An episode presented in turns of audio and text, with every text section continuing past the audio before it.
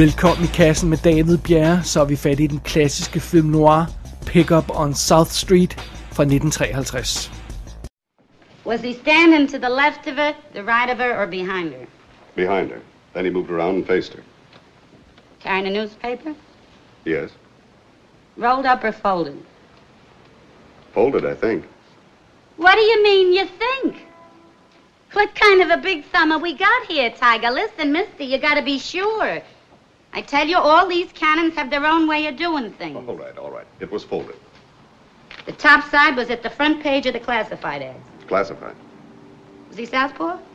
No, he used his right hand. He held the paper in his left. Did he hold it at an angle, like this? Yes. Did you see him close the purse? Yes. Did he put the paper over it like this when he closed it? Yes.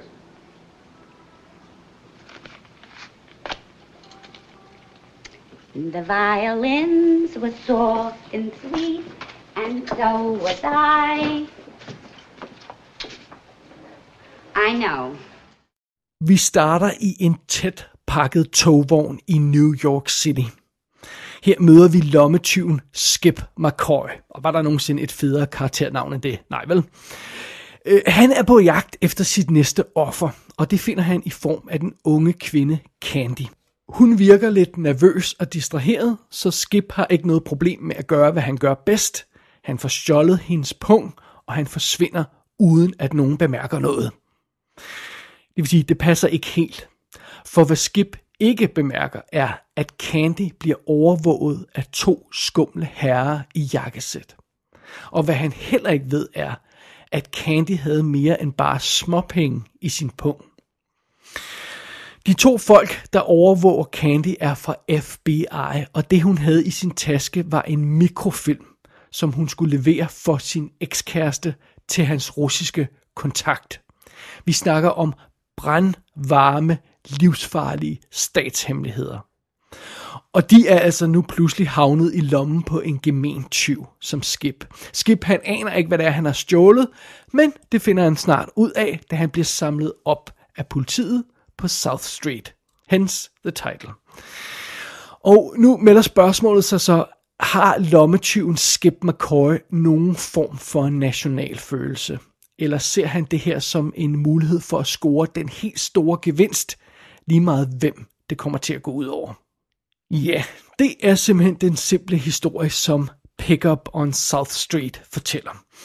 Og den er instrueret af Samuel Fuller, som også har lavet film som Helen High Water, The Naked Kiss, The Big Red One, bare for at nævne et par titler, en, en produktiv herre jo.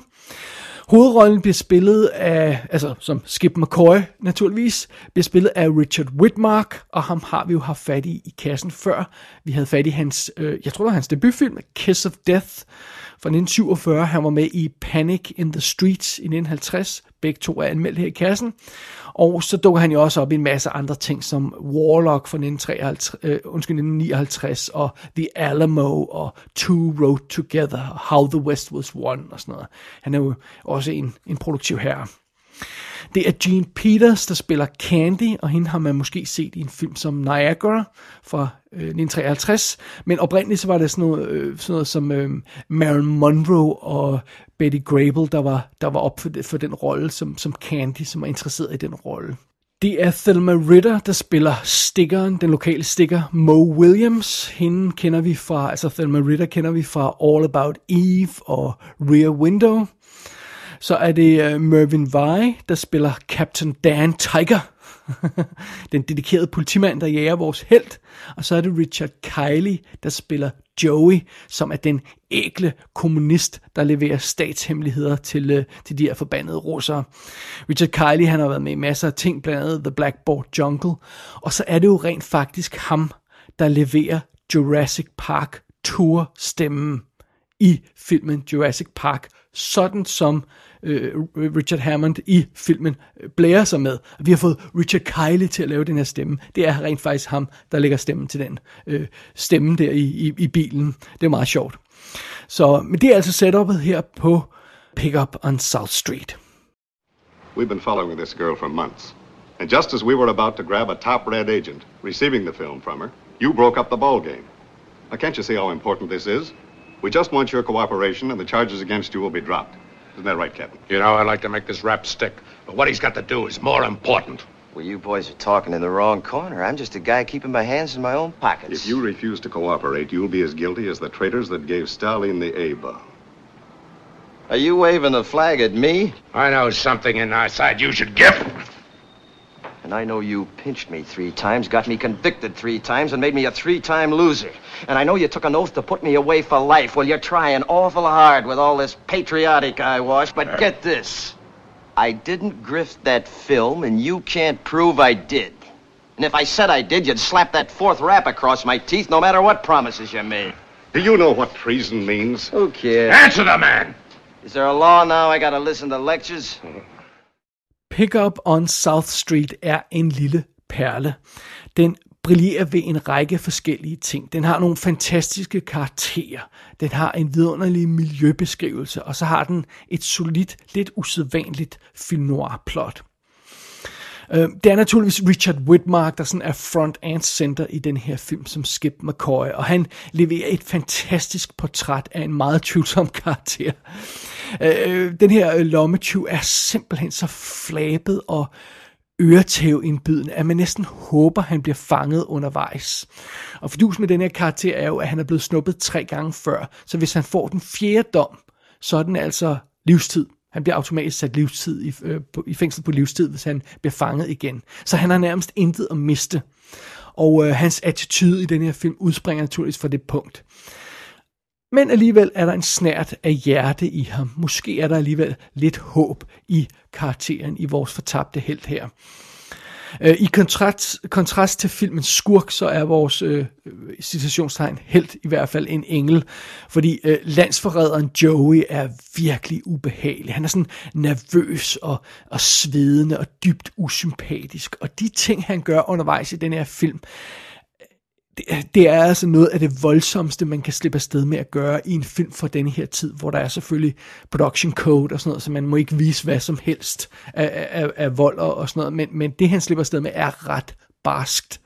Og øhm, og nu er det ikke fordi karakteren er så vanvittigt kompliceret eller dominerende i, det, i, i den her film, men, men den her øh, skurkerolle, øh, lad os bare kalde ham skurken i filmen, Joey, han gør altså stort indtryk på meget få scener. Og det er bare sådan, det er generelt for den her film, den er virkelig, øh, altså selv de mest ligegyldige karakterer, som bare er et par scener, gør stort indtryk. Bemærk for eksempel den her informer, der leverer nogle vigtige informationer til en af karaktererne på, en, øh, på sådan en lille øh, japansk øh, eller kinesisk restaurant eller sådan noget. Og han gør det altså uden at holde op med at spise på noget tidspunkt. Han sidder bare og æder mad hele tiden. Det er virkelig fascinerende at kigge på. Og igen, det er bare sådan en lille throwaway karakter, der, der gør stort indtryk. Selv den quote-unquote ligegyldige babe i den her historie gør stort indtryk, fordi Candy viser sig at være mere, eller har flere dimensioner end, øh, og være en mere interessant karakter end, end den her klassiske femme fatale, som bare skal blive, spille sexet og lokke skurken i fordag og sådan noget. Der er mere i den karakter end som så, og det er faktisk meget øh, fascinerende. Men på trods af adskillige stærke figurer og undervejs i den her film, så er det altså alligevel Thelma Ritter, der ender med at stikke af med den her historie. Fordi hun leverer simpelthen en af de mest rørende præstationer, jeg nogensinde har set, som den her stikker Moe. Hun er, hun er den faste, faste stikker for politiet, Øh, og de går til hende, fordi hun kender alle lommetyvene, og hun tager sig betalt for, for at stikke dem, og hvorfor skulle hun ikke gøre det? Men hvad er det, hun skal bruge de her penge til? Hun samler sammen, så hun kan få en fin grav med navn på. Fordi som hun siger, hvis jeg skal begraves i de ukendte grav, så vil det slå mig ihjel. Altså, og det er jo en fantastisk sjov replik, hvis ikke det var fordi, den rent faktisk bliver sagt seriøst og ment seriøst. Jeg gentager lige, den her kvinde tjener penge ind, så hun kan få en grav med sit navn på. Det er hendes formål i livet. Og når hun har det, så kan hun lægge sig ned og dø. Og hendes rejse gennem den her historie er intet mindre end hjerteskærende. Og øh, øh, øh, hvad hedder hun, Thelma Ritter blev, blev jo et Oscar-nomineret for, for den her rolle. Fuldt fortjent. Hun burde også have vundet den. Det er et, et fantastisk portræt øh, af en, en virkelig fortabt sjæl. Og denne her stikker, karakteren Moe, leder os så lidt videre i, til filmens næste store styrke, og det er dens øh, portræt af det her miljø, vi er i. Vi, vi får sådan en indblik i den her organiseret, egentlig ret velfungerende underverden, som sådan har sine egne regler. Der er, sådan, der er system i det hele. Altså når FBI skal have fat i, i, i øh, en lommetyv, så hiver de Mo ind, og hun kender alle lommetyven og deres teknik, og så stikker hun Skip, og så får hun, øh, får hun penge for det. Men Skip er ikke sur på hende, fordi ja ja, Jamen, hun er god nok, en der Moe. Hun skal også tjene til dagen og vejen. Det er helt fair. Det er bare sådan, det er. det er jo først i det øjeblik, der bliver blandet de her lede kommunister ind i, ind i øh, historien, at så begynder den at brænde på. Det, det, det er ikke okay. Men det her med, at øh, det, der, det er sat i system, man stikker hinanden, sådan at det, det går nok alt sammen. Øh, det, det, det accepterer alle, og det, det, det er ret sjovt, synes jeg egentlig, at, øh, at det er bare sådan den verden, vi er i. Og rent visuelt så præsenterer filmen, filmen os også for en midteværdig verden. Den er virkelig lækkert skudt, og man kan fornemme den her store by og, og det her miljø, vi befinder os i. Og så er der også det sted, hvor Skip han bor, som er meget interessant. Han bor i sådan et lille skur i havnen, et bait shack, altså hvor man kan købe bait til, til at fiske med og sådan noget. Ikke? Øhm, og, og det er sådan et lille vakkelvogn skur, sådan en lille bygning på, på sådan en træpæle ud i vandet. Og man skal simpelthen decideret balancere sig hen over tynde gangbroer for at komme hen til der, hvor han bor.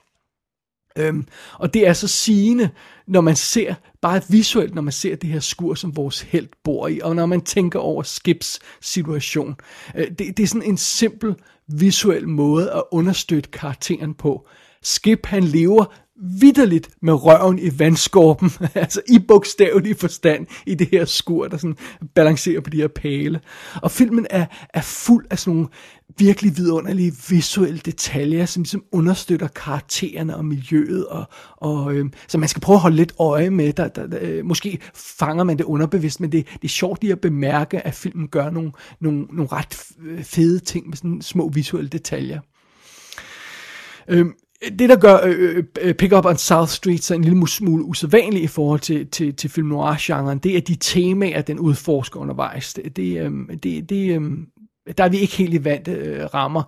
Det her handler jo om kampen mellem øst og vest, og om landsforræderi undervejs, fordi øh, det er det her med, med udveksling af, af informationer til russerne og sådan noget. Øh, vi møder en masse øh, Øh, øh, små skæbner i den her film, der hver har deres små problemer og ting, de skal sørge for og sådan noget. Men rammen om historien er jo altså øh, øh, øh ret stor øh, og handler om noget, noget ret alvorligt. Og, og lad os lige øh, få, få filmen placeret i, i den rigtige kontekst i den forbindelse her. Fordi den her film havde premiere i 1953 og det var da McCarthy-hysteriet var på sit højeste. Der var jo den her, øh, det her med, at man forfulgte kommunisterne også i Hollywood og sådan noget, og den her House øh, uh, Un-American Activities Committee, HUAC, som man kalder den. Øh, vi kender alle sammen de der billeder fra, fra, fra høringerne og sådan noget, og, og forfølgelsen af kommunisterne startede tilbage i 47, men, men nu er vi altså i 53, og det brænder virkelig på. Hvis man husker George Clooney's Good Night and Good Luck, så starter den sin historie, sin egentlige historie i 1953, der hvor det, det, hvor det virkelig brænder på, og der, der er sådan en meget trykket atmosfære i USA, og der er sådan en ubehagelig stemning af, at folk overvåger hinanden og holder øje med hinanden og prøver at stikke hinanden og sådan noget. Og, øh, og filmen leger med den kontrast, der er imellem de her sølle skæbner i underverdenen og så det større politiske spil. Øh, der ligger hele tiden den her anklage i luften i forbindelse med Skip. Øh, øh, øh, øh du er ikke amerikansk nok.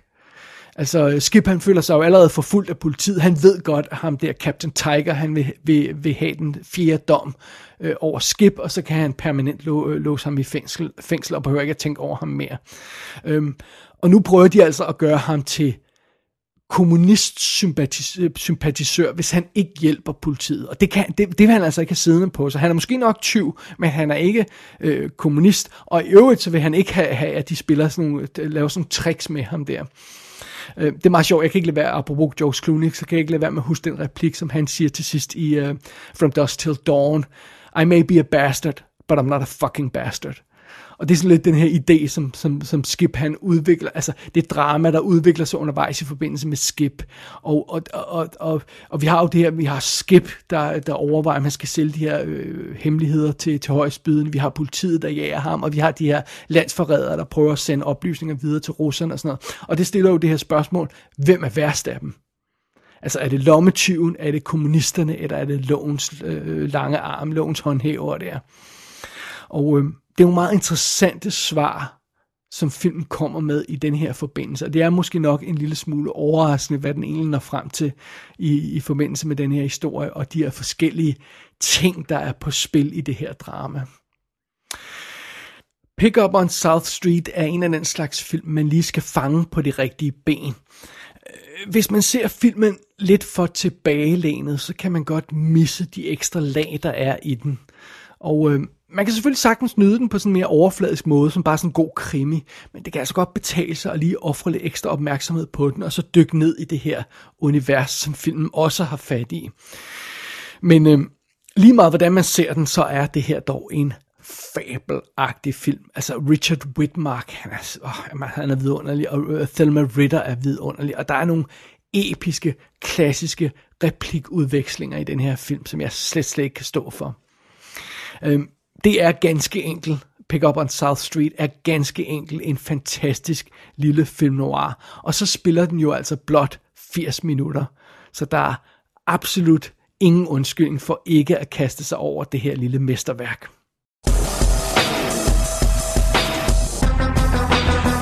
Pickup on South Street er ude på engelsk Blu-ray fra Eureka i deres Masters of Cinema-serie. Det ser ud som om, der er en del ekstra materiale på, men det er rent faktisk ikke så imponerende, når det kommer til stykket. Det er dog stadig en fremragende overførsel af en fremragende film. Gå ind på ikassenshow.dk for at se billeder fra filmen. Her kan du også abonnere på dette show, og du kan sende besked til undertegnet. Du har lyttet til I Kassen med David Bjerre.